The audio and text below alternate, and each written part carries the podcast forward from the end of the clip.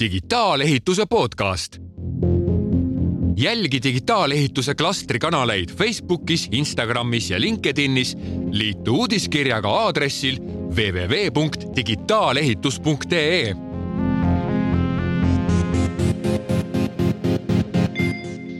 tere tulemast, lugupeetud kuulajad, taas kord järjekordsesse digitaalehituse klastri podcast'i. Ja seekord on meil juba viies osa käsil. Endagi imestuseks vaatan, et need osad on siin väga kiirelt läinud ja, ja lausa lennates. aga iga kord on meil siin stuudios väga lõbus ja väga huvitav. noh, vähemalt minu jaoks, ma loodan, et mõne kuulaja jaoks ka huvitav aga olen isegi saanud tagasisidet ja väga tänan neid, kes on tagasisidet andnud. et äh, teatud kontingendile need teemad väga korda lähevad. Ja sellepärast me siin uuesti stuudios istume. Äh, seekord on mul siin äh, kaks külalist saates, kaks härrasmeest ja me räägime täna uuest hankevormist, mille sihuke krüptiline nimetus on allianss et kuigi meil on äh, see podcast'i seeria peamiselt äh, keskendunud just digilahendustele. eelmine kord rääkisime startup idest, kes teevad äh, digilahendusi ehitusvaldkonnale. Oleme rääkinud ka veidi laiemast sihukesest pikast vaatest, mida riik teeb ja nii edasi, mida see digiehitus üldse tähendab aga ikka ja jälle jõuame selle küsimuseni, et ähm, ega need digilahendused ise midagi, midagi otseselt äh, lõpuni ära ei lahenda, vaid äh, nad aitavad äh, koostööd paremini teha. ja see on see meie sektoris, ehitusvaldkonnas, üks äh, kõige nii-öelda suurem valupunkt. et meil on hästi palju tegijaid ähm, ja projektid on pikad, palju osapooli, keerulised ja just selle info haldamine ja juhtimine ja selle koostöö tagamine on see, mis äh, tihti põhjustabki kõige suuremad probleemid. aga me oleme rääkinud digilahendustest. nüüd räägime sellest, et kuidas me hankevormiga või siis nii-öelda see lepinguline koostöö, kuidas selle kaudu saaks seda koostööd veel paremaks teha. Aga nüüd ma annaks hea meelega sõna äh, minu stuudiokülalistele ja alustaks äh, sinust, Sulev. räägi natuke endast, mis sa teed ja miks sa siin saates oled? ja aitäh, tere äh,. olen Sulev ja on väga suur au siin olla sellise, sellisel podcast'il. Äh, endast nii palju, et äh, igapäevaselt töötan sellises ettevõttes nagu Printim OÜ ja minu põhivaldkonnaks ongi tegelikult viimase kolme aasta jooksul saanud äh, Allianz ja, ja IPT ehk siis Allianz hange ja integreeritud projekti teostuse mudel. varasemalt olen hästi palju tegelenud ka liin tootmise ja, ja nüüd ka liinehitusega, sellepärast et äh, ehitussektoris on otsitud seda võtit, et kuidas siis seda tootlikkust tõsta. ja, ja tegelikult pole vaja palju otsida, et äh, kui on äh, teised valdkond, noh, tulebki vaadata teistesse valdkondadesse, kes on suutnud märkimisväärselt seda tootlikkust ja tõhusust tõsta, siis tootmisest teab, teame, et tegelikult on see liinjuhtimise filosoofia või see mõtteviis, mis on aidanud ja, ja tegelikult ka meie lähinaabruses ja ka maailmas on, on kasutusele võetud needsamad põhimõtted ehitusse ja need on andnud märkimisväärselt äh, häid tulemusi. Ja lisaks sellele tegelema ka, noh, ütlesid, et siin on valdavalt räägitakse digitaliseerimisest, et ka digitaliseerimine on üks minu valdkond, millega ma tegelen ettevõtetes, et äh, kuidas siis protsesse digitaliseerida, aga mis peamine, kuidas läbi selle digitaliseerimise, paremini infot juhtida, et inimesed paremini koostööd teeksid. ja riigihangete valdkonnaga ma olen kokku puutunud siis esmakordselt aastal kaks tuhat kuus. Kui toona oli siis minu esimene ülesanne teha eh, riigihangete konverents ja tol hetkel riigihangetega ma ise kokku ei puutunud, küll aga tundus see paeluv sellepärast esimesest hetkest, et Äh, seal olid sellised klassikalised probleemid millega siiamaale tegelikult tegeletakse. okei okay,, me võime nendesse teemadesse ja. pikemalt süüvida, et äh, Sulev on meil siin saates kui nii-öelda ekspertkonsultant äh,. aga siin lisaks tema vastas üle laua istub äh, sõber avalikust sektorist, võiks öelda, Anti Palmi Transpordiametist. räägi, Anti, miks sina siin saates oled ja mis sa teed igapäevaselt? no igapäevaselt ma juhin Transpordiametis üht osakonda, idaosakond, tegeleme Ida-Eestis siis äh, ehitamise ja korrashoiuga, vähesel määral ka projekteerimisega. aga lisaks ma püüan alati endal hoida veel aktiivsena mingisuguse põnevama projekti ja praegu ongi selleks siis see Eesti esimene alliansi hange. et see minu kätte maandus ja nüüd me oleme seda siin pusimas no igatahes väga tore on härrased teid siin stuudios näha ja Anti juba viskas selle alliansi märksõna jälle välja. aga ma võib-olla küsiks äh, Sulev äh, või paluks sinul esimesena selgitada oma sõnadega lahti, et mis asi see allianss, hange ikkagi on. sest sina oled mõnes mõttes selle nagu maaletooja meil siin Eestis, et, et ma tean, et sa oled aastaid sellest rääkinud, seda propageerinud ja, ja mind üsnagi hästi ära veennud, aga, aga proovime nüüd veenda meie kuulajaid ka. miks, mis asi see allianss on ja miks ta hea on? ja aitäh komplimendi eest. Äh, jah, seda tulebki vaadata võib-olla kahes, äh, kahes kategoorias, üks on see hange, äh, millest on räägitud, et allianss hange, hanget kui sellist ei ole defineeritud. seda on otsitud riigihangete seaduses kunagi, on otsitud mujal riigihangete seadustest teistes riikides aga kui me räägime hankest, siis tegel-, hanke puhul on tegemist sellise äh, kas just klassikalise, aga läbirääkimistega hankemenetlusega. aga alliansleping või allianslepingu vorm on, on selline lepinguvorm siis, kus äh, tellija ja erinevad töövõtjad, selleks võivad olla siis ka arhitektid, projekteerijad, ehitajad, äh, nad kõik sõlmivad ühe lepingu ja selle ühe lepingu baasil nad siis toimetavad ja see lepingu keskmes on ka ärimudel, äh, mis siis äh, motiveerib esiteks äh, saavutama parimat tulemust sellele investeeringule ehk siis best value for money ja teisest küljest motiveerib seda töövõtjat ka seda pakkuma, sellepärast et kui ta seda hästi teeb, siis loomulikult on tema ju ärilised huvid sellega seotud, saada parimat rahalist kasu. ja sellega ongi, selle lepinguga ongi seotud siis selline boonussüsteem ja ja töötasusüsteem, mis erineb äh, tänasest klassikalisest lepingust. inimestele tavaliselt meeldivad just siuksed ähm, metafoorid ja sünonüümid ja kuna ma tean, et sa oled äh, tegelikult äh, kõva tantsumees ka, sa oled tantsutrupis. kui sa nüüd mõtleksid, et nii-öelda tavaline klassikaline hange on üks tants ja allianss on teine tants, kas sa oskaksid tuua mingisuguse võrdluse, et mis, mis see tantsuliselt erinev on? jah, see on päris hea küsimus aga kui nii võtta, siis äh, no ma ei taha kellelegi liiga teha, aga jah, et tantsumaailmas äh, räägitakse, et on nii-öelda sussisahistajad ja teisest küljest siis need, kes, äh, kes võib-olla lähevad sinna tantsu rohkem sisse ja, ja lisaks sellele, et nad pakuvad publikule emotsiooni, on oluline ka see, et kuidas see trupp ise omavahel nagu toimib. Paralleeli tooksin võib-olla teisest hoopis purjetamisest, et, et võib-olla see on isegi parem näide, et äh, et kui me purjetame punktist A punkti B, meie eesmärk on finišeerida edukalt ja sealjuures ilma, et keegi viga saab, keegi kannatab, äh, ei inimesed ega, ega ka paat, siis äh, ja saavutada ka sealjuures hea tulemus võistlusel, siis võib-olla ma võrdleksin seda niimoodi. no väga, väga head võrdlused, aga Anti, sina enam ei taha sussisa, siis sa sina ma võin, ma võin vabalt tantsu, tantsunäite teile ära tuua. aga lase käia. näiteks laulupidu või see tantsupidu, eks. seal on erinevad grupid tulevad kokku, iga grupp harjutab oma saalis, on see siis Illuka, Jõgeva, kus iganes. kõik arvavad, et tantsivad oma tantsu kõige paremini. aga lõpuks nad tulevad kokku sinna Kalevi staadionile ja siis teevadki selle etenduse kokku, et see kokkuetendus et seal kõik teevad oma rolli kõik õigesti, et on ülevalt alt vasakult paremalt vaadates on kõik õige, see ongi see allianss. et allianss on siis nagu laulupidu kohe esimesest päevast, et äh, ei ole mõtet seal äh, üksinda omaette äh, sahistada, vaid tuleme kokku ja hakkame koos, koos tegema. jah, sest sektoris on ka kõik ettevõtted tegelikult ju oskavad, tahavad ja enda meelest nii-öelda endasse sisse vaadates nad on ka väga head aga see, et nad kõik kokku hakkaks mängima õigesti, selleks ongi vaja ta selliseks ühiseks, ühiseks meeskonnaks vormistada.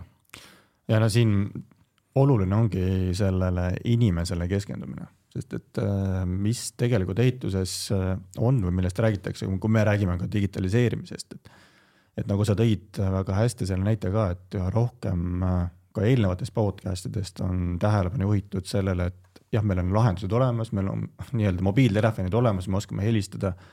aga kas me oskame ka inimesega normaalselt suhelda läbi selle telefoni, kas me suudame grupina hästi toimetada ja võib-olla see kaalukauss ongi läinud sinna, et, et me vajame ka juriidiliselt sellist vormi või keskkonda, mis soosiks inimestevahelist koostööd, ei tekitaks juba eos selliseid riidusid, et siin on ju näiteid toodud ka lepingutest, kus on noh, loetakse, õpitakse pähe, et lehekülgede viisi sanktsioone ja siis mõeldakse, millise sanktsiooni vastu me täna võiksime eksida, mis nagu vähem karistab meid Äh, siis selle lepingu vormi idee on hoopis teistsugune, pigem motiveerida seda, seda koostööd. ta lubab, äh, ma väga tehniliseks ei lähe, aga, aga see lepingu vorm võimaldab ka eksida, teha vigu. aga teisest küljest ta soosib seda pidevat parendust, mis tuleb siis sellest liinjuhtimisest. Äh, sest et oluline on ju pakkuda parimat väärtust tellijale no eks see, see on ju inimlik, äh, on eksida ja, aga hea, kui õpitakse äh, oma vigadest, veel parem, kui õpitakse teiste vigadest. Äh, siin meil on sõbrad soomlased, kes on seda allianssi juba tükk aega praktiseerinud, aga Anti, tulles tagasi veel kord Transpordiameti juurde, et, et Transpordiamet on nii-öelda avaliku sektori tellijatest esimene, kes selle alliansi hankega nüüd tegelikult ka pihta on hakanud, et et kui suur see valu siis pidi olema, et mis siis nagu tavahangete puhul ei töötanud, et, et otsustati võtta see allianss käsile ja, ja, ja proovime ära? no eks siin natuke on see, miks see allianss üldse pole kuhugi nagu kinni ju hakanud, et ma, ma ei tea, kas on, kuidas võrdlust tuua, et kas on see allianss hange Teflonist, et ei hakka kuhugi kinni või siis on need äh, tellijad äh, Teflonist, et ta ei hakka nagu kinni. et tegelikult on ju räägitud sellest ju ammu. ja nüüd on ka mõnda aega on räägitud juba ka sellises foonis, et noh, et see ikkagi on hea asi, mida proovida. aga tellijad väga ei, ei soosi. kiirelt, kui, kui kaua on ammu, et äh, ma tean. Sulev, Sulev võib öelda, millal ta esimest korda Kaupo Sirgiga rääkis, ma mäletan, et see toimus, oli ta kaks tuhat neliteist äkki või? paar aastat hiljem, kaks tuhat kuusteist. kaks tuhat kuusteist jah, umbes hakati ju tegelikult äh, rääkima sellest ja pluss siis veel see, see Tehnikakõrgkoolis see suur avapauk, millal see oli, seitseteist, kaheksateist? Mm, äh, ära minu otsa vaata, ma ei. sina olid, sina olid seal see isamees või? Ei no ma võisin seal olla, aga ma tean, et on ka enne seda, kui mina üldse avalikku sektori tulin, oli ka Riigi Kinnisvara uuris ju äh, IPT-d ja Alliansi ja samamoodi Tallinna Tehnikaülikool tegi neile mingi uuringu. ja no see oli vist rohkelt äh, kui, rohkem kui kümme aastat tagasi juba. ja see oli tegelikult, äh, kuna ma olen nende sündmustega seotud olnud, siis see oli ka kuskil kaks tuhat kuusteist, kaks tuhat seitseteist, kaheksateist. aga jah, praegu nendele ei keskendu. ja, ja ei noh no., see, need olid teised ajad, aga tuleme tagasi Transpordiameti juurde, et no, segasin sind vahele natuke sel,. sellest ajast peale on nagu püütud seda kuhugi nagu kleepida, et ehk keegigi esimene ära, eks ole. ja siis ega keegi ei taha võtta, sest et noh, ma ütlen ausalt, meie vaates, meil ei ole neid põhilisi muresid, et, et ületame hirmsasti eelarvet või et ei jõua tähtajaks, et noh, täna ka uudistes hiljuti oli, et Pärnu-Uulu pingutab, Verst on ise, iseenesest, et jõuda varem, noh, neil enda kulud on seal ju taga. Äh, aga meie nagu mure on võib-olla see, et selline äh, töörõõm ei ole nii suur nendel suurtel objektidel, et ikkagi needsamad äh, Sulevi toob välja toodud ka sellised vaidlused, sanktsioonid, töövõtjate ja tellija ja järelevalve sellised läbisaamised, et neid, neid probleeme meil ikkagi esineb. ja teiseks siis ka sektoris endas, et minu enda meelest üks selline suurimaid murekohti, mis nagu laheneb, on see äh, raha liikumine. et äh, allianss mudeliga on see raha liikumine töövõtjate suunas oluliselt kiirem, ehk et töövõtjate enda selline finants, finantseerimisvajadus on oluliselt väiksem. Neil peab olema selline a la algkapital, aga nad ei pane oma raha ehituse ajal pikaks äh, perioodiks kinni sinnasamasse objekti no see on kindlasti üks asi, mis äh, väga hästi kõnetab just, äh, kui mõni töövõtja siin kuuleb ja on natuke skeptiline, et aga, aga seleta veidi rohkem lahti, et kuidas siis nagu allianslepingu puhul see cash flow siis parem on?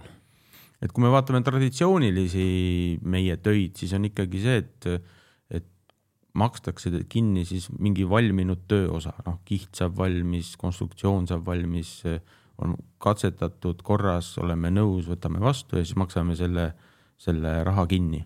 aga töövõtja jaoks on seal vaade see, et noh, tema on pidanud võib-olla mõnel materjalil pool aastat enne mingit ettemaksu tegema, mingit materjali varuma, ostma, koguma. aga siis äh, allianslepingus on jällegi see, et see ettemakseid tehakse vajaduspõhiselt ehk et kui meie otsustame, et mingi töömaterjal, seade on vaja osta, selleks on vaja teha mingeid kulutusi, siis kui need kulutused on töövõtja poolt tehtud, siis tellija maksab need ka töövõtjale kinni. sama puhu, sama lugu ka alltöövõtuga. et täna on meil alltöövõtjad, ma kujutan ette, on väga-väga mures, et millal see raha, millal see raha laekub. siin on samamoodi, alltöövõtja on töö valmis saanud, saab kohe raha töövõtjalt ja siis tellija maksab töövõtjale. ehk siis see protsess või see nii-öelda lepinguline mm, lepinguline vorm ei ole nii keeruline, et see vajab pidevat kontrolli, ülevaatamist, ootamist, äh, nii mitu etappi, nii mitu inimest, kes, kes kõiki neid asju äh, nii-öelda läbi käivad, et, et kas sellest tuleb see võit äh, või, või kuskilt mujalt? Kontroll toimub ikka, selles mõttes, et kvaliteeti ja kõike kontrollitakse ikka, töövõtjal endal on huvi kontrollida, alltöövõtjatel on huvi kontrollida, aga just see rahaline pool on oluliselt nagu voolavam see on siis nagu usaldatakse üksteist ja, rohkem just. ja, ja, ja see nii-öelda usaldus võidetakse siis võib-olla seal projekti alguses või selle tiimi kokkupanekul. aga tulemegi selle nii-öelda alliansi mm, või noh, käime ta hästi kiiresti läbi, et, et, et saakski paremini aru, kuidas see ikkagi lõpuks äh, need hüved nagu äh, formuleeruvad, et Sulev, räägi, mis siis nagu alliansi hanke puhul teistmoodi tehakse, et kui sul on nagu tavaline hange noh, tavaliselt hakkabki, on projekteerimine, ehitus, vahel projekteerimine, ehitus koos, on ju. Äh, kuulutatakse välja, tehakse pakkumised, äh, tavaliselt kipub olema peamiselt hind, see, see hindamise kriteerium, mille järgi siis otsustatakse, ehk siis odavaim, odavam justkui võidab, et seal on hulk kvalifitseerimistingimusi, et noh, et päris igaüks äh, ei saaks tulla ja prügikalad nii-öelda võrku ei ujuks aga, aga ikkagi lõpuks otsustab äh, see hind ja, ja, ja turul on ikkagi väga suur probleem ja peavalu, eriti kui on äh, töid vähe, äh, projekte vähe, et siis kiputakse teha alapakkumisi. ja, ja siis hakkavad kõik need, need probleemid kuhjuma ja, ja see lumepall veerema. aga, aga Sulev, räägi, kuidas siis alliansi puhul teisiti on? sa mainisid, et on nagu läbirääkimistega hange, aga kuidas, kuidas ikkagi see siis nagu käib, step by step? ja siin oli hästi palju küsimusi proovin kõigile järjest vastata. aga ma vastan võib-olla sellele küsimusele, mis sa Anti käest küsisid, küsisid ka, et miks ei ole avalik sektor varem alustanud. et mida mina olen märganud, on see, et või noh, tajunud, et, et kangesti on Eesti poolel just otsitud sobivat projekti alliansi jaoks. tegelikult see loogika on teistmoodi, et me otsime sobivat, sobivaimat lepinguvormi ja, ja lahendusi projekti jaoks, mis aitaks seda projekti paremini ellu viia. et, et natukene jah, see nii-öelda tõmbemeetod või veidi pööratult tuleb seda asja vaadata. et lõpuks, kas ta on allianss või, või mõni hübriid, et äh, see on ju tellija enda kujundada äh, siis äh, teiseks küll, teisest küljest sa mainisid, et see on justkui nagu lihtne, see lihtsus aeg-ajalt on ka hirmutav, mis on ka meil seda esimese alliansi protsessi äh, noh, võib-olla kui niimoodi tagasivaatena võtta, siis kuna lepingus ongi väga paljud asjad üldsõnaliselt kirjas, et siis see on mõneti võib-olla hirmutav olnud, Anti pärast äh, rääkida seda palju täpsemalt. aga mis on need hüved äh,? Äh, jah, üks asi ongi see, et äh, tegelikult hankes me ei küsi pakkujalt, et mis näiteks see Sinti-Lodja sild, et mis see sild maksma läheb. sest et äh, ega noh, pari, isegi kui meil see tehniline kirjeldus oleks olnud põhjalikum kui ainult punane joon äh, kaardi peal, mis meil oli, eks igal juhul see hind ei ole ju täpne, mida, mida pakutakse ja sellepärast ma olen ise toonud selle võrdluse, et et natukene see ainult hinna baasil, noh, natukene keerukamate projektide puhul äh, hankimine on silmad kinni noolemänguvõistlus, et kes kui täpselt äh, viskab. või siis ka klassikaline hange on selline, et äh, noh, kui mõelda see, et kuidas me võtame inimese tööle. et kas me võtame inimese tööle niimoodi, et tulevad kandidaadid, igaüks kirjutab ümbrikusse, mis ta tahab oma palganumbriks saada, siis me avame need ümbrikud, kes kõige vähem soovis, otsime tema et äh, kui palju selline asi väärtust pakub äh, tellijale või siis selle töövõtjale. Äh, nüüd Allianz hanke puhul me küsime siis nii-öelda seda töötasu soovi, et niikuinii ju ettevõtjad arvestavad, et kui nad tulevad hankesse, nad soovivad saada mingisugust kasu sellest, ärilist kasu, marginaali. siis me küsimegi, et mis on teie noh, lihtsamalt öeldes selline projekti juhtimise tasu ja see projektijuhtimise tasu siis makstakse välja sel juhul, kui tõesti see töövõtja teebki nii, nagu ta on lubanud. käitub lepingu järgi, teeb koostööd, otsib parimaid lahendusi, hoiab seda kvaliteeti korras, ma räägin praegu üld, väga üldsõnaliselt. ja aga kui ta pingutab natuke rohkem, siis on tal võimalik saada ka nii-öelda boonust lisaks ja boonus on nii-öelda kaheosaline, üks boonus on see, et kui suudetakse siis sellest fikseerit- äh,, arendusetapis fikseeritud hinnast alla tulla äh,. et seal on võimalik seda hüve jagada tellija ja, ja töövõtja vahel ja teiseks on see nii-öelda öeldakse ka ette juba hanketeates, et palju on meil see boonusfond ehk siis see läheb jagamisele siis, kui need kvaliteedi eesmärgid on nii-öelda ületatud. ehk siis nii-öelda see, see standard mis on see nullpunkt, eks ole, et seda me eeldame ju niikuinii. aga et pakkuda väärtust, rohkem väärtust tellijale ehk siis väärtuspõhine hange nii-öelda. pakkuda rohkem väärtust lõpptulemuse näol, siis äh, väärtustataksegi seda, kui midagi tehakse paremini.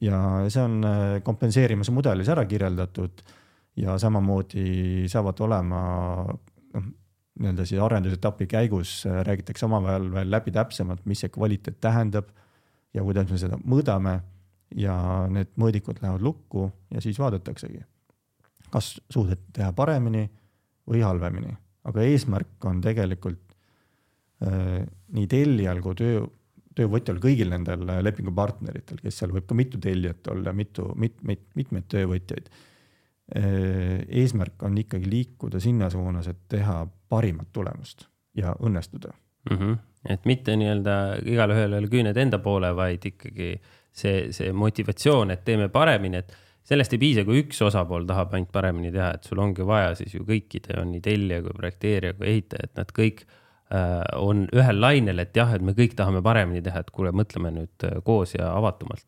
aga Anti. eks see on väljakutse selles mõttes, et äh, küüned on nende poole niikuinii igal juhul, aga lepingus on selline mõiste, mis tegelikult äh, mille selgitamisele vist pühendasime päris palju aega, on see projektile parim põhimõte mm. -hmm. lõpuni, lõpuni välja põhimõtteliselt. jah. räägi, Anti, kuidas teil see esimene hange, äh, kus maal ta on ja kuidas see algus on äh, kujunenud, et noh, et ikka räägitakse ju, et äh, esimene lammas hüppab aia taha või midagi sellist, et kas, kas see hange on juba aia taha läinud või, või näed sa, et see ikkagi toimib? no praegu ta on veel seal Karjamaal et ta ei ole üle, üle aia ei ole hüpanud.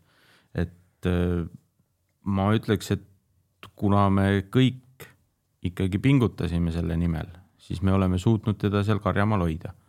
et eks äh, algus oli raske. ütleme, kõige algus isegi ei olnud raske, kõik tundus ilus ja tore. soo-, soomlased ju saavad ja kõik, kõik saavad, aga siis ongi see selline det detailide küsimus on lõpuks. et noh, me, me teame näiteks, et et äh, meil on Euroopa Liidus on riigihangete direktiiv, kõik lähtuvad sellest. soomlased on teinud riigihangete seaduse, eestlased on teinud riigihangete seaduse, võrdled neid omavahel, vaatad, kõik nagu klapib, eks ole, et noh, väga sarnane. aga siis hakkad tegema seda hanget, valmis kirjutama, siis selgub, et soomlastel on üks õigusruum, nii-öelda praktika sellesama seaduse pealt, meil on teine praktika, meil on vaidlustuskomisjonide otsused, meil on äh, kohtuvaidluste tulemused, mis on andnud sellele seadusele nagu omaette tõlgenduse.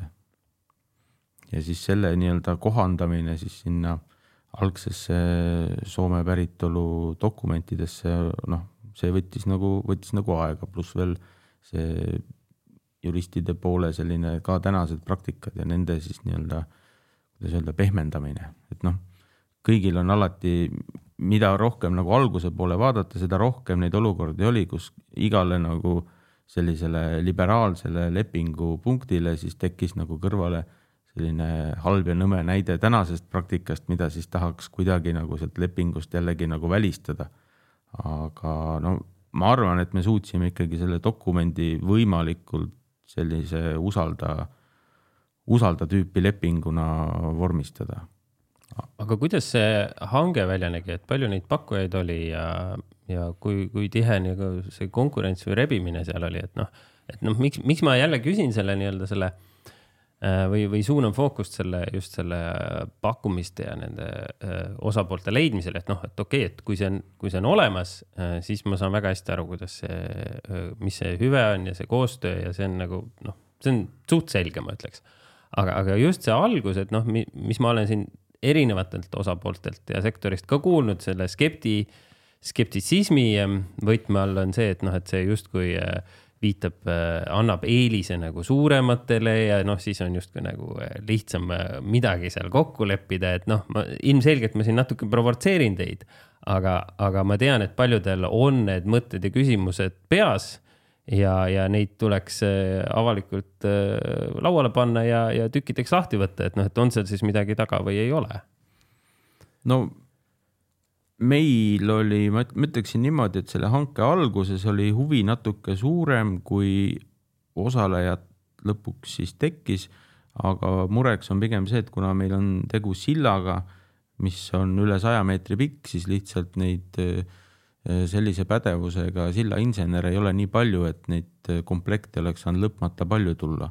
aga meil tuli kokku siis kolm pakkujat esimeses voorus. taotlejad. taotlejad jah, nii-öelda pakkumuse tegemise taotlejad ja noh, nendest ma ei ütleks, et need on kõige suuremad näiteks. et seal on üks neist tegijatest on isegi, ma ütleks, kaunis uus. Nad on küll hästi finantseeritud, aga nad ei ole kuidagi mingisugused mammutid keegi ma võib-olla siis kommenteerin seda poolt, et äh, kuidas see protsess välja näeb. et äh, jah, võib alati öelda, et riigihangete seaduses on kõik kirjas, aga, aga seadus on tegelikult üsna, üsna üldine, kui niimoodi vaadata ja selle koha pealt äh, selle alliansi hanke või me, me nimetame seda alliansi hankeks, äh, kuigi see on läbirääkimistega hankemenetlus, et see annab ka sellist äh, loomingulisust äh, või noh, neid võimalusi rohkem kasutada. selles protsessis ka, et et kui vaadata paberi pealt või niimoodi kaugelt distantsilt, et siis tundub, et see on jube pikk. noh, seal on omad põhjused, miks meil see pikk on, meil tuli su suvi vahele, meil tulid õppused vahele, kõik muud asjad ja, ja võib-olla, et selle hankemenetluses me ka arvestame pakkujate ajaga. Et nad suudaksid teha selles etteantud ajas ka kvaliteetse pakkumuse aga see algab siis kõigepealt jah, sellest, et kui klassikaliselt äh, kuulutatakse välja hange, siis peab ju kõik asjad kokku panema, töökirjeldused peab kokku panema, inimesed ära kirjeldama, kvalifitseerimistingimused, äh, veel lisaks arvutama hinda, ajagraafikut, äh, noh, mida, mida siis nõutakse.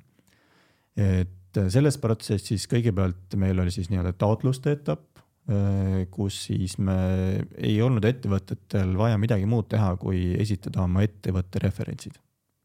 Need olid ette antud ja kui need oleks tulnud rohkem kui kolm või viis, siis oli meil ka sellised kategooriad seal kirjas, et kuidas me anname punkte, milliste referentside eest rohkem, millised vähem, et siis me saame, saame valida juba sealt äh, sellised ettevõtted, kellel me, kellele me teeme ettepaneku siis esitada esialgsed pakkumused ehk siis esimeses etapis ei olnud vaja muud, midagi muud teha, kui ettevõtte referentsid ja ma kujutan ette, et nende nii-öelda kokkupanek ei võta tegelikult ettevõtetel palju aega.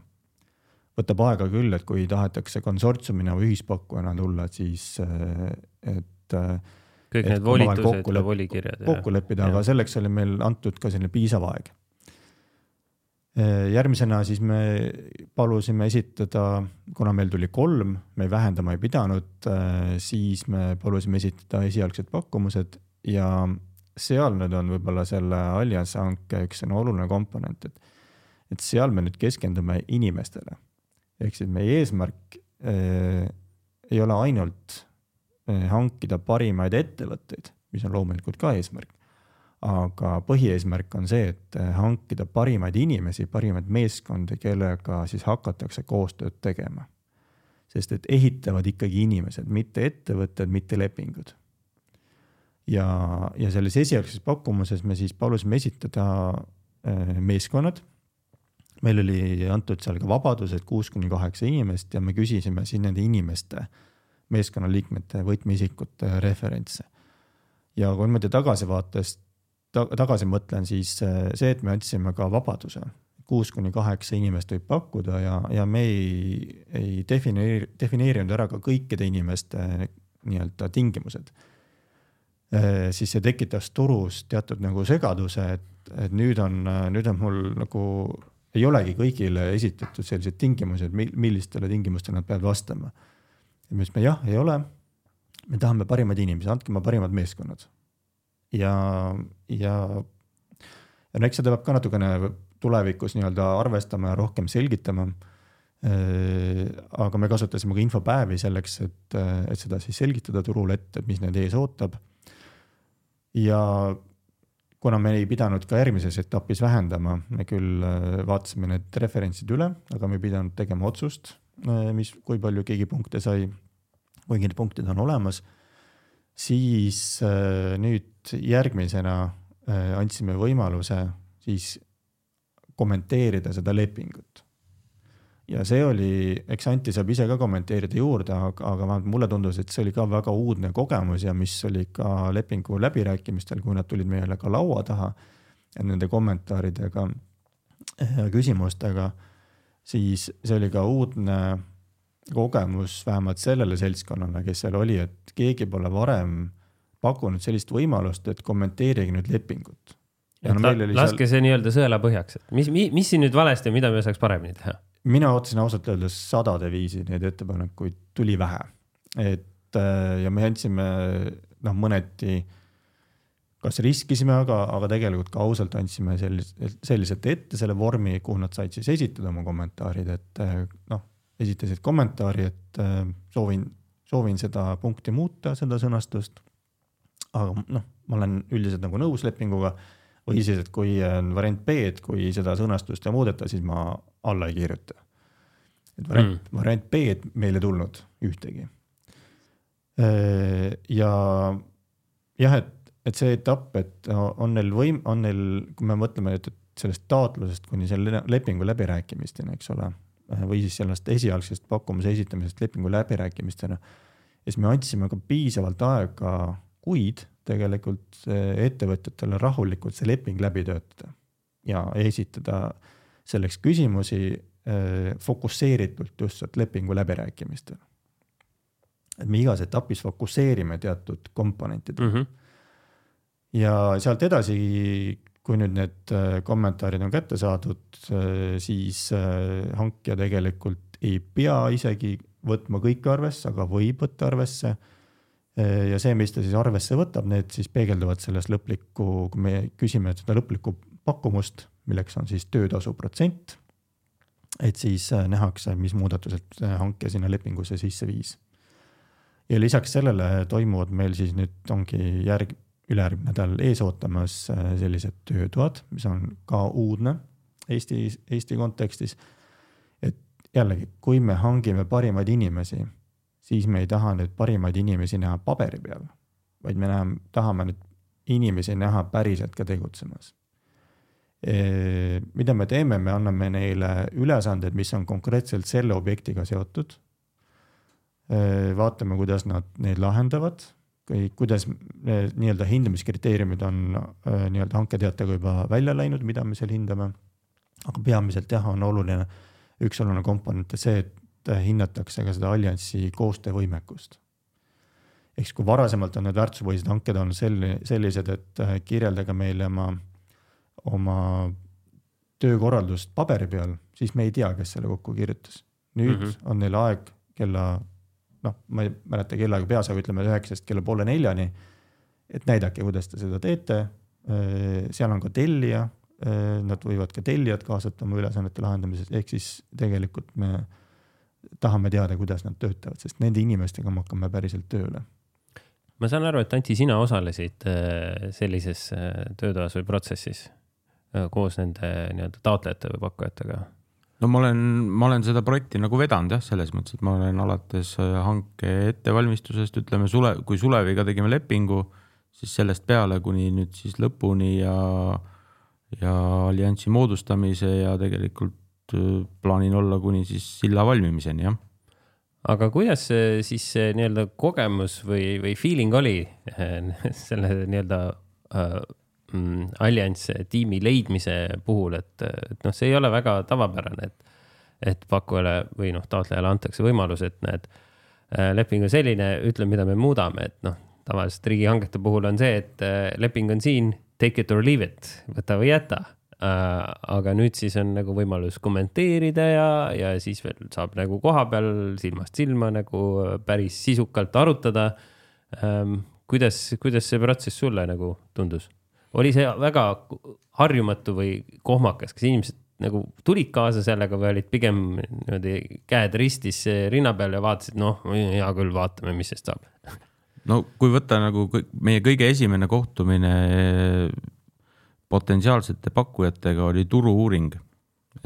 seal võis olla küll sellist kohmakust ja ma mäletan, see oli veel meil oli veel Teamsiga ka ühendus, siis Teamsist keegi ütles, et kas, kas tõesti, kas see on võimalik, kas te, tellija suudab tõesti selline olla, nagu te, nagu te lubate, et noh, et sellist skepsist ja selliseid nagu äh, kulm, kulmude üles ja alla liikumisi oli väga palju.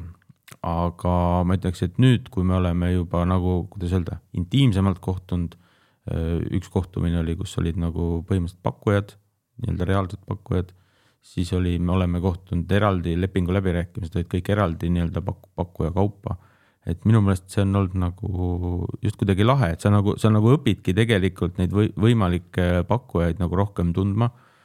hetkel on, on, on olnud ka niimoodi, et meie need kolm sõelal olevat pakkujat kedagi nagu ei, ei lükkaks kuidagi kõrvale, et sul ongi nagu selline esimene usalduse alge on juba tekkinud. et selles mõttes see selline läbirääkimistega äh, hankevorm on väga hea, eriti kui on need füüsilised kohtumised ka juures. aga e, lihtsalt selgituseks, et kus maal te selle protsessiga praegu olete oma hankes? meil ongi nüüd see viimane etapp on läbida, ehk et äh, lõplikud pakkumused äh, peavad tulema pakkujatelt ja siis teeme töötoad, hindame ja saamegi lepingu sõlmida, et ma olen endale välja kirjutanud, et nüüd meil hanke väljakuulutamisest lepinguni lähebki hetkel kuus kuni seitse kuud, mis on noh, mõnes mõttes see on palju. aga noh, ma tean, et me ise oleme sinna sisse väga palju enne hanke väljakuulutamist jätnud just neid puhveraegu, et noh, kui me peame sõeluma need kolm kuni viis kümnest välja, eks ole, et noh, see otsus võtab aega et anda pakkujatele aega neid kõiki dokumente anda, et noh, tegelikult ma arvan, et sihuke neli-viis võiks olla reaalne sellise objekti puhul, mõne objekti puhul jällegi, kui on rohkem pakkujaid, siis jällegi võib-olla viis kuni kuus, et noh, seal, seal on seda varu, et me oleme pannud päris palju varu sisse mm. -hmm. ja ma saan aru, et need töötoad, mis sa just äh, vahetult enne kirjeldasid, äh, Sulev, need veel on siis tulemas alles? Mm -hmm. et jah, et äh, mida me oleme teinud selle, noh, võib-olla märkamatult ka pakkujate jaoks, et mis on ka seal Allianz hanke äh, üks selline eesmärk on integreerida juba, juba põhimõtteliselt nagu taotlusetapist äh, pakkujaid ja potentsiaalseid nii-öelda lepingupartnereid, et nad, et saada tuttavaks rohkem nendega, just inimestega. Äh, et nad mõistaksid, mis, mis on see projekt, kuhu nad tulevad, mida neid ees ootab ja, ja milline on see lepinguline suhe, mis neid ees ootab et põhimõtteliselt on seal selline natukene võib-olla pikem koolitusprotsess äh, turule või nendele pakkujatele. et äh, ja seda ei näe sealt registrist, et mis siis toimub seal taga. ja me andsimegi selle võimaluse, et kohtusimegi mitu korda nende pakkujatega, ütleme taotlejate pakkujatega ja selgitasime ja andsime neile seal ka mõned ülesanded ja küsisime ka otseselt tagasisidet. et äh, kuna selle projekti puhul ka see tehniline kirjeldus või noh, meil on praktiliselt meil transpordiametil on kõik lahtine, eks ole, et, et tulge ja, ja teemegi selle parima lahenduse, sest me ei tea, mis, mis see parim lahendus on ju. et siis äh, jah, et oluline see, see integreerimine, inimeste usalduse kasvatamine juba suht alguses ja näid-, näidata ka ise hankija poolt, et et ma olen avatud. ma olen valmis eksima, ma olen valmis õppima, aga ma ka soovin, et me õpime koos ja teeme asju paremaks koos. Et see on see kogu see protsess ja ma usun, et Transpordiameti enda meeskond on ka nii-öelda kasvanud rohkem kokku, saanud rohkem aru ja see arusaamine kindlasti ei ole lõplik, et nagu ma ütlesin, see on see pidev parandus. et kui see nüüd leping sõlmitakse, see ei tähenda seda, et siis on kõik valmis siis hakkab veel tummisem töö pihta tegelikult.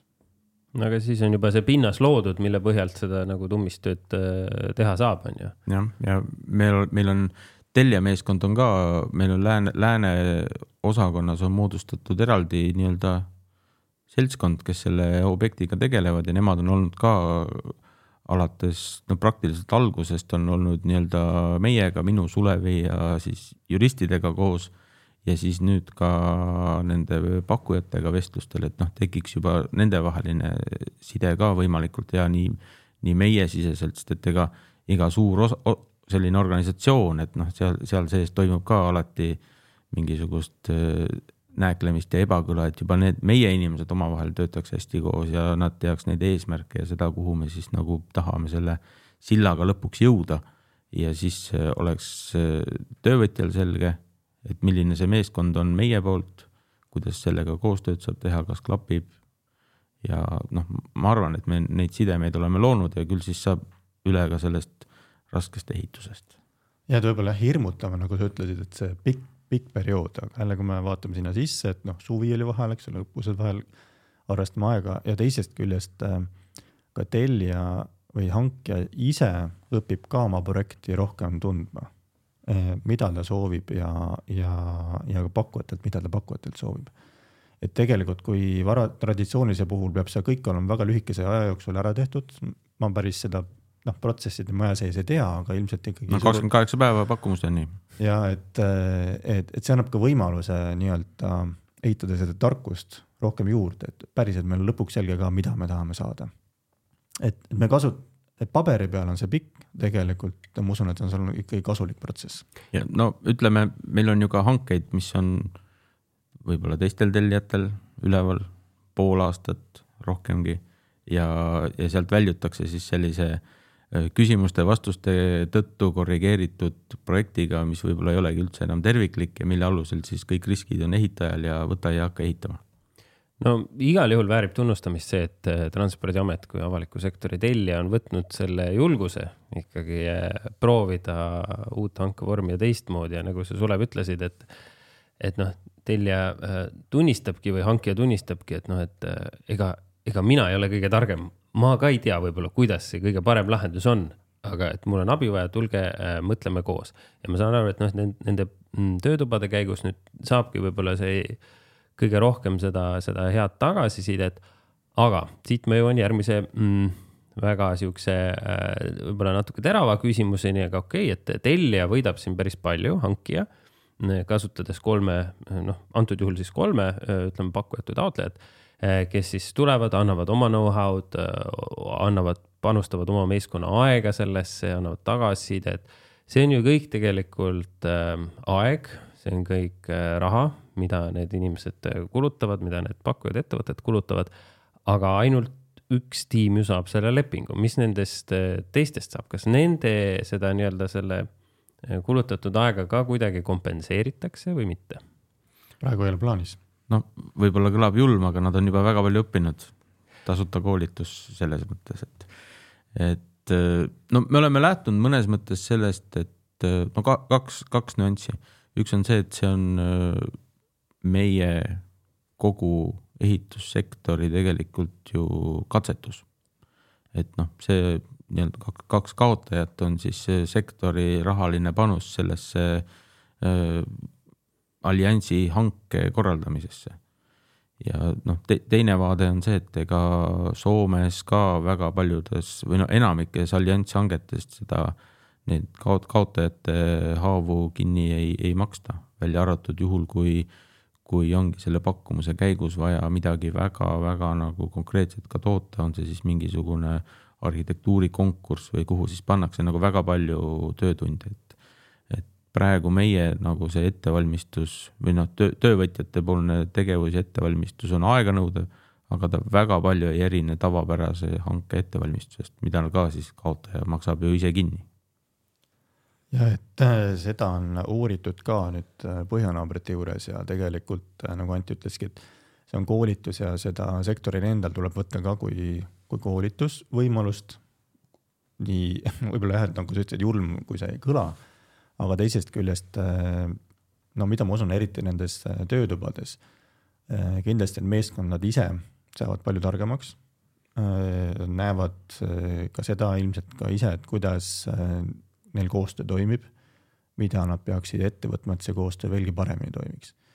Eks jah, et võib-olla see on harjumatu olukord või no üks etapp meil on ka enne, kui eh, noh, lõpus on, on anda ka tagasisidet nendele teistele, kes ei saanud seda lepingut, aga mitte anda tagasisidet, et mille vastu te eksisite, vaid kuidas te saate paremaks muutuda. ehk siis selle, selle protsessi üks suund on ka see, et kuidas muuta ehitussektorit paremaks ja anda neile selliseid sisendeid, et millega nad võiksid tegeleda, peaksid tegelema, millele keskenduma, et just, et seda koostööd veelgi paremini teha. sest ikkagi jälle ma jõuan sinna inimeste juurde, et, et see ei tähenda, et me need inimesed üle parda viskame, vaid äh, noh, neil kindlasti ongi järgmine kord uus võimalus ja nende enda võimalus on nüüd, kas nad seda aega kasutavad enda sisemiseks parenduseks või mitte. ja, ja võib-olla vaadata ka seda, et mis meil siis natukene võib-olla puudu jäi, et millele nüüd peame keskenduma. et äh, siin ma toon jälle paralleeli sellest digitaalehitusest, eks ole, et väga palju keskendutakse noh, PIM-idele ja, ja digitaalsetele lahendustele. et äh, aga need ei ehita. Et ehitavad ikkagi inimesed, et kuidas veelgi paremini oma meeskondi arendada, et see on see üks, üks peamine eesmärk ka selle hankemudeli puhul. Nojah, eks ta ongi see nii-öelda mõttelaadi muutmine paljuski ja noh, ta on uudne ja harjumatu, aga, aga eks ma lihtsalt pidin selle küsimuse küsima, sest, sest jällegi ma ka sektorist kuulnud äh, neid mm, kriitikanoote ja kommentaare ja noh, eks, eks ikka on siin äh, väga ma palju kutsuks, erinevaid. Äh, kutsuks läbi tegema seda protsessi, et väga lihtne on kritiseerida distantsilt ja seda, mida ollakse kuulnud aga tulge tehke läbi. jaa, absoluutselt ja kusjuures siin on hea koht äh, rõhutada, et seitseteist oktoober äh, on ju täitsa toimumas Allianz äh, koolitus, mida teeb digitaalehituse klaster ja vaadake lisainfot digitaalehitus.ee ja ma saan aru, Sulev, sa oled ise ka seal nii-öelda käed külge pannud? On au olla, jah. jah, väga tore.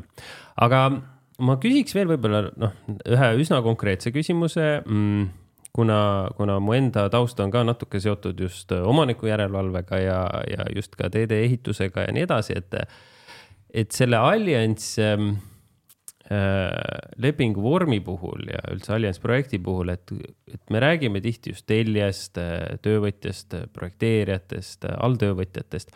aga noh, mis roll siis seal on nagu sellel omaniku järelevalvel, et äkki sa, Anti, oskad natuke seda lahti eh, seletada, et kuidas, et noh, ilmselgelt see tööprotsess on teistmoodi natuke, ta muutub, ta ei ole see tavapärane, nagu sa ütlesid, ka need maksed ja kõik need, et noh, loomulikult kontroll ja, ja kvaliteedi tagamine, see on kõik olemas, eh, võib-olla isegi paremal tasandil.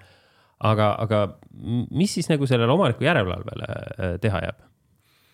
no kuna omaniku järelevalve on ka selline seaduses juba ette nähtud tegevus, eks ole, siis omaniku järelevalve sinna kindlasti tuleb. aga tellijana me oleme otsustanud, et see omaniku järelevalve ja tema nii-öelda see roll täpsustub koostöös siis alliansiga.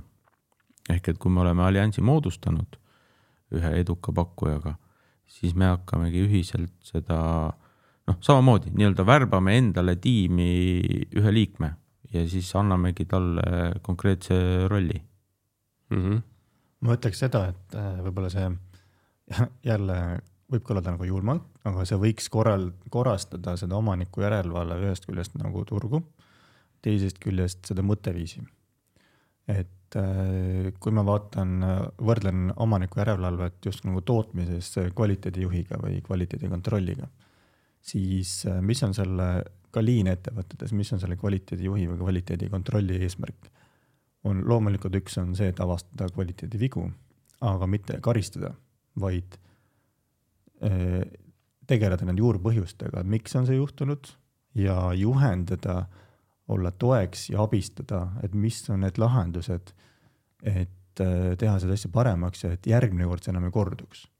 ehk siis selle omaniku järelevalve kindlasti peab olema selles mõttes avatum, et äh, ta võiks olla ka justkui nagu juhendaja mm. -hmm. no mind on alati tegelikult eesti keeles veidi äh, häirinud see, seesama sõna, see omaniku järelevalve, et mulle palju rohkem meeldib, et noh, ingliskeelses terminoloogias on, on sihuke asi nagu consulting engineer et ta ongi nagu äh, insener-konsultant ja tihtipeale mitte. Supervisor. jah, mitte, mitte päris nagu jah, supervisor, et, äh, et selles mõttes ma saan aru, et võib-olla siis me liigume ka selle nii-öelda omaniku järelevalve turu pool rohkem selle, selle consulting engineer rolli peale, kuivõrd äh, niivõrd, äh, et noh, et vaadata, kas kõik kaetud tööd on tehtud, kas sa olid seal, kas sa nägid seda et, et pigem jälle. küsimus on jah see, et mis väärtust loob, äh, ma võtan ka ettevõtte tasemel, mis väärtust loob see, et kui keegi ütleb sulle, et seal on viga. see ei loo mitte mingisugust väärtust. selles mõttes veel jah, et, et jah, me avastasime selle, see on nagu hea. aga mis edasi? Et, et inimesed ise ka tegelikult oskavad neid vigu väga hästi märgata ja, ja sellist kultuuri tulekski soosida, et jah, me märkame neid vigu. Ja võib-olla Alliansi puhul, äh, kui ma olen ka Soomes käinud erinevates nendes projektides vaatamas ja küsinud sama küsimust omaniku järelevalve kohta, siis nad on öelnud, et jah, neil on ka olemas see, kuna seadus nõuab, aga nad ei näe, et see neile ülemäärast väärtust lisaks nagu kogu protsessis, sellepärast et kui needsamad kvaliteedimõõdikud lepitakse kokku, neid mõõdetakse, siis Allianz ise juba kontrollib ja on motiveeritud kontrollima, et neid äh, tingimusi täidetakse, sest et kui avastatakse projekti lõpus need vead, see tähendab seda, et neil ei ole võimalust seda boonus, boonust äh, nii-öelda saada. ehk siis jälle, et äh, tarnida juba seda parimat väärtust, parimat kvaliteeti alguspunktist alates, mitte jätta seda lõppu, et ehk nagu vingerdasime läbi. ehk peab vastu no igal juhul mul on tore kuulda, et see omaniku järelevalve roll on ka nii-öelda selle ümberdefineerimisel, aga lihtsalt veel ei ole võib-olla jõutud selle punktini, et kus seda nagu konkreetselt käsile võtta, et, et praegu käib veel selle allianss tiimi konsortsiumi kokkupanek, on ju.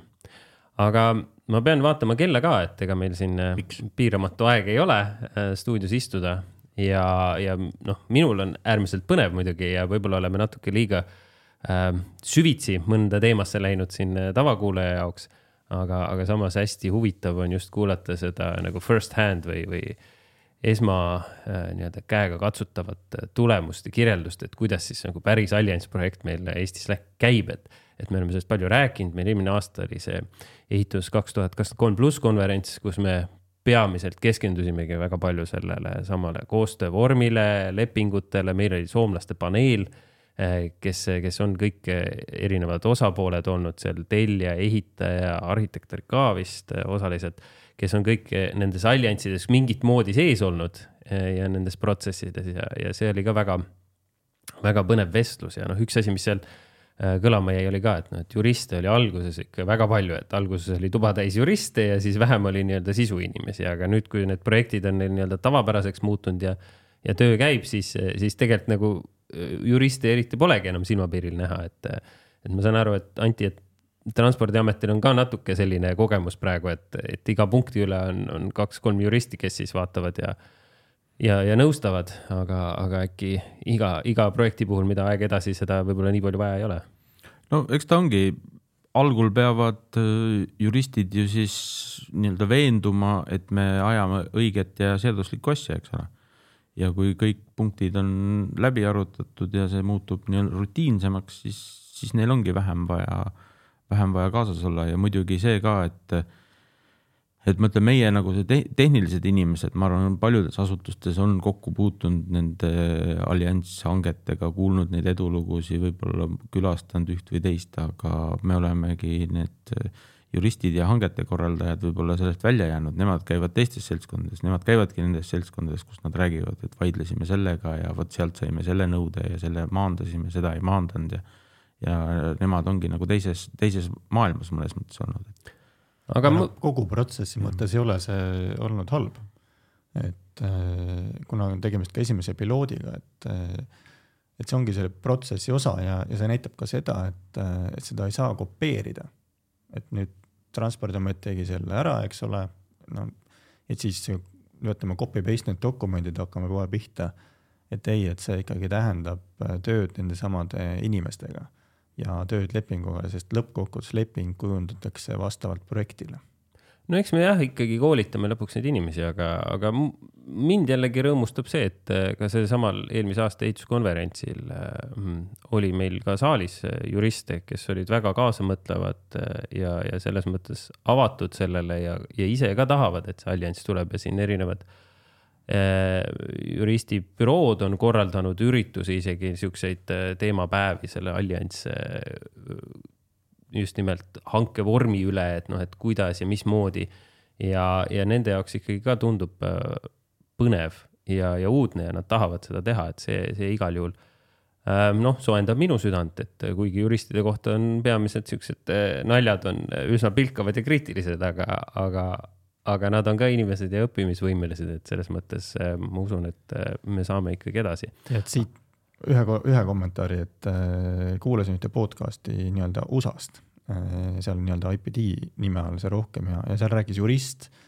Ja jurist ütleski, et tegelikult see juristi ülesanne peakski olema pakkuda selline lepinguline raamistik, õigusraamistik, mis toetab, et see meeskond saab tunda ennast selles mõttes vabalt, et nad saavadki teha koostööd et neid ei, neil, neil ei ole takistusi, neil ei ole hirmu, et iga asja eest karistatakse, et see on nagu selle juristi ülesanne. jaa, absoluutselt äh, nõus, see peaks olema juristi ülesanne, kas kõik juristid sellest niimoodi aru saavad, on eraldi küsimus või kas neile tegelikult tellija poolt selline ülesanne ka võimaldatakse. aga, aga ma saan aru, et allianss äh, lepingute ja vormide puhul on, on, on tellijal see selge nii-öelda võimalus olemas, et ta saab sellise raamistiku anda, aga selleks, et saate otsad kokku tõmmata, ma võib-olla küsiks viimase küsimuse teilt äh, mõlemalt ja Anti mm, küsiks äh, sinult esimesena, et mis sa, mis sa näed, et Eesti ehitussektori väärtustes või tööviisides peaks muutuma, et, äh, et meil need hanked kulgeksid paremini ja, ja meie ehitussektoris ka see koostöö läheks paremaks? ma ma tahaks nagu uskuda, et töövõtjate poolel on tegelikult selline eh, oskused on olemas. Nad peavad võib-olla hakkama rohkem usaldama nii-öelda tellijat ja võib-olla suurem muutus on veel tegelikult ka tellijates enda sees. et see usaldus töövõtjate vastu, see, et, et see peabki nagu kuidagi peabki tekkima nagu enam-vähem samal ajal, et et kui töövõtja tunneb, et teda usaldatakse, eh, siis, eh, siis ta ka käitub võib-olla teistmoodi näiteks. et ei ole selline, selline üksteise, üksteisele kott, koti pähe tõmbamise nagu tunne kogu aeg üleval, et see tellija, tellija kardab, et töövõtja tõmbab ja siis, ja siis see töövõtja kardab, et küll, küll nüüd tuleb kohe esimesel võimalusel mingi sanktsioon peale, et noh, et see, see, see õhkkond peaks nagu ära kaduma ja no loomulikult on see ka, et see mada-, madalaim hind selles mõttes ei, ei toimi. ja kindlasti ei toimi ka kõige paremini see nii-öelda fikseeritud sellise kindla projekti järgi, lukus projekti järgi ehitamine, see, see, see ei toimi ka kindlasti. et see on nagu võib-olla kõige suurem muutus, et see projekt peab muutuma vabamaks ja hind peab olema ka selles mõttes, et vabam, nii-öelda alliansilik, sest et lihtsalt projekteerimise ehitushange on sisuliselt sama nagu lukusprojektiga hankimine, kuna see ehitaja peab ikkagi selle hinna välja kalkuleerima ja midagi mõttes valmis projekteerima ja siis selle siis nii-öelda suruma sellest tellija, tellija nendest äh, seintest ja akendest ja ustest läbi, et see, see ka ei toimi ja Sulev, sinu nägemus, mis peaks muutuma ehitussektoris meil? ma küsiks esimesena vastu, et võib-olla sektor peaks mõtlema, millist töökeskkonda tahab luua inimestele, kes seal, kes seal töötavad. et arvestades sellega ka, et meil tulevad peale noored, et äh, nendel ei ole enam sellist kõva närvi, kes on võib-olla eh, eelmisest meie riigirežiimist läbi käinud ja, ja üsna kiiresti tõstavad käed üles, kui omaniku järelevalve ikkagi kogu aeg käib, ütleb, et kui palju ta vigu teeb, siis ta ütleb, et ma lähen teise sektorisse, et äh, ma ei pea seal oma närve selle peale nagu kulutama, et äh, jälle keskendume inimestele, mis, millist keskkonda me tahame luua. ja, ja ma jõuan siin, siit nagu just võib-olla, et tuleb mõelda ka nende tööviiside peale või meetodite peale, just inimeste juhtimise või projekti juhtimise meetodite peale. et äh, ma ei kahtle, et praegu osatakse ka väga hästi ehitada aga ma usun, et suudetakse tegelikult veel paremini ehitada, nähes, mis mujal maailmas toimub. ja nagu ma alguses tõin ka selle näite, seesama liin, ehituse liin, mõtteviis, pidev parendus, et kuidas selliseid meetodeid rakendada, et saavutada paremaid tulemusi. et äh, ma olen selle ehitussektori problemaatikaga kokku puutunud aastast kaks tuhat kuus ja, ja tegelikult on natukene nii-öelda nagu näidatakse aasta lõpul see õhtusöök ühele uh, sketš, et uh, same procedure as every year. et uh,, et järelikult noh, ka Einstein on öelnud, et, et noh, kui teha ühte sama asja, aga eeldada, et uh, me saavutame teistsuguse tulemuse, et see on hullumeelsus, et seda ei ole võimalik, et järelikult peab midagi muutma.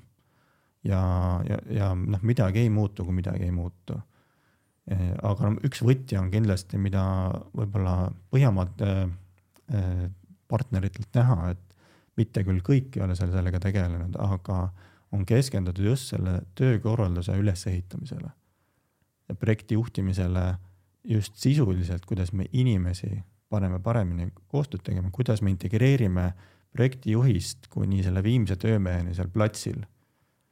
et eh, kui nemad on kõik paadis ja saavad ühtemoodi asjadest aru, siis projekt õnnestub. kui me ise tekitame sinna nii-öelda seinad vahele siis me tegelemegi nende probleemidega edasi, millega me täna tegeleme. jah, ja see siit nagu tulebki juurde mult veel võib-olla, et, et kui see, kui sa integreeridki alates tipust kuni lõpuni, et nad teavad, siis seal peab olema tegelikult ka seesama motivaator taga, ehk et kui see viimane töömees teeb kiiremini, paremini odavamalt või mida iganes nii-öelda, saavutab paremat väärtust, siis tema peab ka tunnetama sellest, et see, et ma tegin midagi ülihästi, see jõuab ka temani, et see on natuke tänase selline sektori see olukord, kus, et see, et kõik, kui alltöövõtja oleks tootlikum, aga tema see nii-öelda raha laekumine näiteks ei sõltu sellest, kui kiiresti ma midagi valmis teen või kui hästi, vaid ikkagi sõltub sellest, kuidas see peatöövõtja äh, saab oma järgmiselt objektilt selle ettemaksu kätte, et siis mulle ära maksta eelmise objekti kulusid. et noh, siis, siis nad ei muutu tootlikumaks, nad muutuvad siis tootlikuks, kui see reaalselt nii-öelda kohe avaldab mõju tema enda nii-öelda sellele saatusele või õnnele või kuidas seda öeldagi. jah, tasukski mõelda, et seesama alltöövõtja Jüri või Mati või, või, või Jaan, Jaan, Jaan või kes iganes seal töötab, et, et ka sellel inimesel on pere temal on lapsed, keda ta peab üleval pidama. et äh, ehitussektor on täpselt nii tugev, kui tugevad on tema alltöövõtjad. ja sellepärast jah, et see on teise saate võib-olla teema, aga mõtlema läbi samamoodi, et millised võiksid olla need alltöövõtulepingud, mis motiveerivad paremini seda nii-öelda väärtust tarnima nii sellele, kes teda hankis, kui ka sellele peatöövõtjale ja tellijale igatahes suur-suur aitäh äh, mõlemile, äh, nii Anti sulle kui ka Sulev, et äh, saite stuudiosse tulla ja seda jagada. ja, ja ma arvan, et kuulajad ma loodan, võtsid siit kindlasti midagi endaga kaasa. kui midagi ei muuda, siis midagi ei muutu. nii see on ja sellepärast ongi vaja proovida ja katsetada ja piloteerida seda alliansi hanget me näeme, kuidas see soomlaste puhul äh, töötab väga hästi, on ka mujal maailmas, äh, Ameerikas, USA-s IPT, IPD nime all, Saksamaal, Austraalias.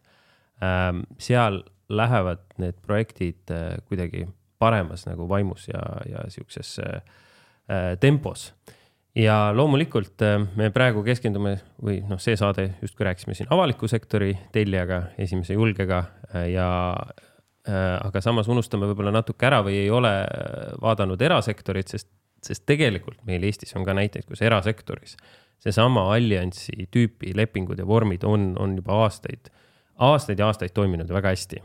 aga noh, see ongi jälle see erasektor, kellel on võib-olla rohkem vabadust äh, valida, kellega, mis põhjusel, kuidas ta koostööd teeb, aga äh, olen rääkinud inimestega, kes on mulle selgitanud, et näed, vot selle, selle projekti me täpselt nii tegimegi et meil oli see projekteerija, me ütlesime, noh, meil on nii palju raha umbes, et noh, kuidas me saaks sellest nagu kõige parema asja teha ja siis tuleb ehitajakampa ja kõik. et, et tegelikult see sisemuses nagu need inimesed on olemas. Äh, nad on Eestis seda tööd teinud, äh, lihtsalt nüüd me saame seda veel laiendada ja avalikus sektoris äh, on selgelt see võimalus, kus me võib-olla saame kõige rohkem võita. aga lõppu veel mõned siuksed reklaamteavitused. ma juba mainisin, et seitseteist oktoober tuleb siis äh, allianss äh, koolitus. Äh, vaadake digitaalehitus.ee lisainfot. ja korra mainisin, et meil oli eelmise aasta konverents, kus seda hangete teemat põhjalikult käsitleti, see salvestus on muide ka, kui te otsite üles ehitus kaks tuhat kakskümmend kolm pluss märksõna all. aga see aasta tuleb see konverents uuesti jälle koostöövõtmes, me teeme seda koos arhitektide, ehitajate, inseneridega ja, ja tellijatega seekord siis äh, ehitus kaks tuhat kakskümmend neli pluss äh, alapealkirjaga kas mängus või pingil, kakskümmend üheksa november. vaadake ehituskonverents.ee, meil on nüüd uus veebikodu selle jaoks, kus siis ilmselt see ehituskonverents hakkab iga-aastaselt uuenema ja, ja oma infot jagama. ja, ja seal konverentsil seekord on siis ka sihuke pidulik galaosa Äh, veel võimsam kui eelmine, korrad on olnud, et noh, et ongi korralik õhtusöök ja sihuke gala ja, ja autotasustamine parimatest äh, parimad. ja, ja see sealhulgas ka äh, digitaalehituse klaster äh, jagab välja kaks auhinda, üks on aasta innovatsiooniprojekt äh,, kuhu saab siis kandidatuure üles seada kolmekümne esimese oktoobrini. ja teine on siis digiehituse tuleviku äh, tegija äh, stipendium äh,, mida samuti digitaalehituse klaster äh, välja jagab ja, ja see on nende esitamiseks ongi aega kolmkümmend üks äh, oktoober ja vaadake lisa www.digitaalehitus.ee. ja Anti siin lehvitas mingit paberit mulle, ta tahtis äh, mingit reklaami ka teha. Äh, ma korra kiirelt vaatan. see on aasta innovatsiooniprojekti kandidaadi aa, sa, sa tutvustad mulle seda aasta innovatsiooniprojekti, et juba, juba andsid kandidatuuri sisse, väga hea, aga selle. siinjuures ma mainin, et täna, kui me seda saadet salvestame, et äh, ei ole Transpordiamet ainukene. et alustanud on ka Tartu linn. väga tore kuulda, siis peab ikka Tartu äh,. Tartu ka kutsuma. Tartusse selle podcast'iga minema. aga nüüd oleme selgelt äh, ja rohkelt üle aja läinud. Teiega, härrased, oli väga lõbus siin stuudios aega veeta. tänan neid, kes meid kuulavad ja, ja kommentaare saadavad ja veel on tulemas mõned osad digitaalehituse podcast'i saateid veel, nii et äh, hoidke silmad ja kõrvad lahti, kuuleme varsti jälle. digitaalehituse podcast. jälgi digitaalehituse klastri kanaleid Facebookis, Instagramis ja LinkedInis. liitu uudiskirjaga aadressil www.digitaalehitus.ee